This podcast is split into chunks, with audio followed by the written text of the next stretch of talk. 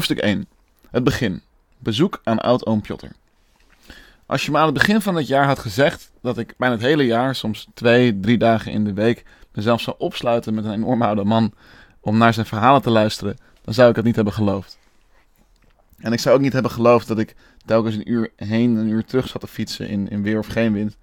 En dat ik op de terugweg al berichten aan het inspreken was om te voorkomen dat ik iets van wat ik gehoord zou hebben uh, zou vergeten. Van het coronavirus heb ik eigenlijk vrij weinig gemerkt, want ik was alle dagen dat ik niet bij Piotr was, gewoon thuis aan het werk om alle informatie die ik had verkregen verder uit te werken. Ik had toen echt geen idee wat ik met die enorme bergen informatie moest gaan doen. Ik wist eigenlijk vooral dat ik ermee door wilde gaan op het moment dat ik voor het eerst met Piotr sprak. En dat was in februari van dit jaar. 2020. Uh, blijkbaar vielen er toen een aantal dingen samen.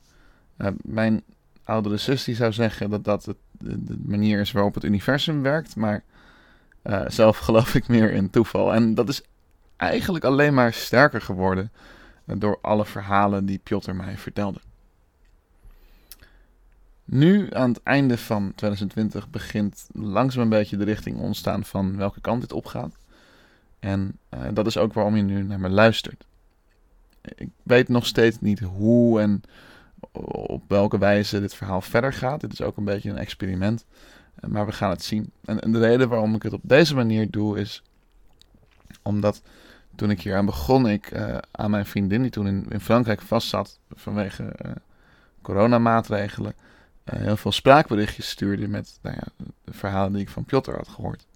Mijn vriendin is Frans en die zat daar toen, uh, die zat daar toen vast en die stuurde me dan weer spraakberichtjes terug.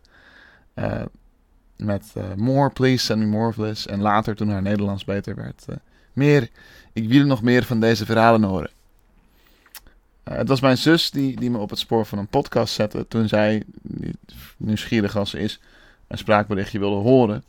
En zij beluisterde ook geregeld podcasts en, en werkte er ook aan één mee. En dat is ook weer iets wat ik aan het begin van het jaar niet had kunnen denken. Ik ben uh, zelf meer een schrijver en een denker en ik ben ook niet zo van de nieuwerwetse dingen. En in die periode had ik net mijn laatste paper af voor mijn studie geschiedenis. En uh, ja, ik was gewoon een beetje klaar met verplichtingen toen. Ik, wilde gewoon even niks.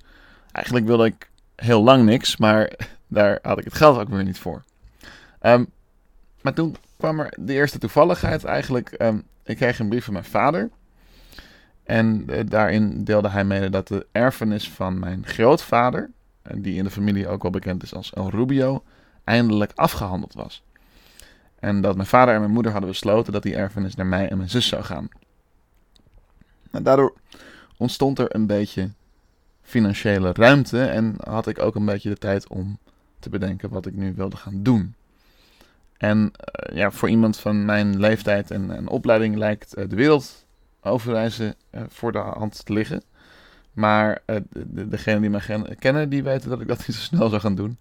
En er was natuurlijk ook nog steeds een, een virus wat de wereld over ging. Nou, die erfenis die zette me wel weer onverwacht op een spoor wat ik waarschijnlijk anders nooit gevolgd zou hebben. En dat kwam door een tip van mijn vader in diezelfde brief. En die tip was niet heel veel meer dan een vaderlijke bezorgdheid om, nu ik mijn handen vrij had, weer eens langs mijn oud-oom Piotr te gaan. Die is uh, de jongste niet meer en die zou een bezoek van mij enorm waarderen. Nou, mijn oud-oom die woont in Haarlem in een zijstraatje van de Grote Houtstaat. En die heeft er echt al sinds mensenheugenis een klein werkplaats slash atelier waar die oude meubels restaureert. Hij zegt zelf altijd, uh, alles waar hout aan zit, maak ik weer heel. Um, en bezoek is verder helemaal geen straf. Hij is een heel fijn mens en ik besloot dan ook al snel om bij hem langs te gaan. En terwijl ik naar Haarlem fietste, besefte ik me ook dat het al best wel lang geleden was dat ik zijn kant opgegaan was. Maar ik bedacht ook nog wel wat anders en het is eigenlijk een heel simpel idee waar ik vreemd genoeg niet eerder aan gedacht had. Terwijl het best wel voor de hand ligt uh, met mijn studie geschiedenis. Namelijk dat in plaats van de wereld overreizen ik ook in de geschiedenis van mijn familie kon duiken. Een beetje in de tijd zou kunnen reizen eigenlijk. En uh, van dat idee werd ik eigenlijk heel blij. En uh, daar werd ik zo blij van dat ik harder ging fietsen. Uh, want ik wist ook dat als iemand mij verder kon helpen met die geschiedenis van mijn familie dat het Piotr was. En daar kon ik maar beter mee opschieten, want Piotr is al minstens 90. Nou, voordat ik verder ga, moet ik je een beetje een beeld schetsen van hoe de werkplaats of atelier, je mag allebei zeggen van mijn auto, want hij is zowel kunstenaar als ambachtsman, uh, hoe dat eruit ziet. Um, dit is een soort van hele klemmende deur die je open duwt. Volgens mijn auto is dat heel anders, handig, want dan waait hij nooit open. En dan blijft de kou buiten en dan hoort hij ook meteen of er iemand is. Um, en dan stap je niet meteen zijn werkplaats in, maar dan kijk je tegen een hele hoge trap aan. Um, en die moet je niet nemen, want dan ga, die, die trap moet je niet nemen, want dan ga je naar de eerste verdieping. En daar heeft mijn uh, oud-tante Anna heel lang gewoond. En zij was de grote liefde van mijn auto, Piotr. En op de zolder, als je daar de trap weer omhoog gaat, um, daar heeft de broer van Anna, mijn grootvader, El Rubio, gewoond toen hij terugkwam uit Spanje. Een paar jaar na de Tweede Wereldoorlog was dat. En uh, daar woonde hij met zijn kinderen. Uh, mijn vader dus. En uh, mijn tante Belle, de zus van mijn vader. Um, ja, als ik daar aan denk, dan krijg ik ook al heel veel. schieten me ook al heel veel verhalen te binnen die ik van mijn vader heb gehoord. En dan heb ik mijn grootmoeder Margarita, de, de grote liefde van mijn grootvader, Rubio, nog niet eens genoemd. Maar um, ja, die, die werkplaats dus. Uh, knellende voordeur. Als je daar voorbij gaat, dan je slaat rechts af, dan kom je in een ruimte die heel erg naar hout en lijm ruikt. En wat je daar ziet, wordt heel erg gefilterd door het zachte licht van de TL-balken die boven de werkbanken hangen. Het is allemaal heel praktisch ingericht. Daar staan uh, drie hele grote werkbanken. Twee naast elkaar en eentje er haaks op. En die staat zeg maar onder de trap die je neemt als je naar de eerste verdieping gaat. En mijn vader vertelt me, heeft me wel eens verteld dat hij als klein kind door zijn zusje Belle op die werkbank werd gezet.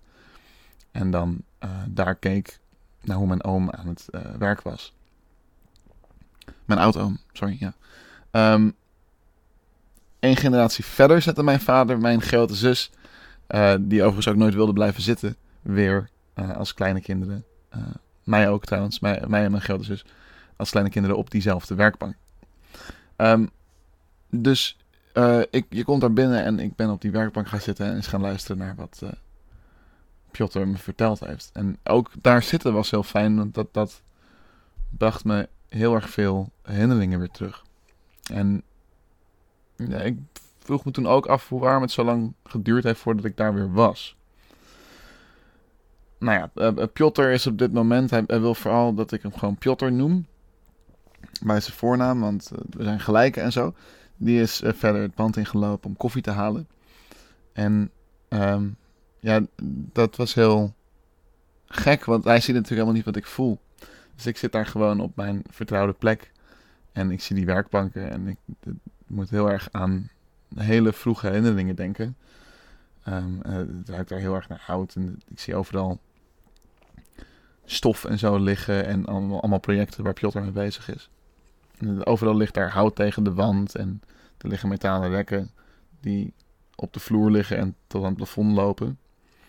Ja, toen ik daar was, stapte ik echt ongemerkt een soort andere tijd in. En daar is ook niet zoveel veranderd in dat atelier.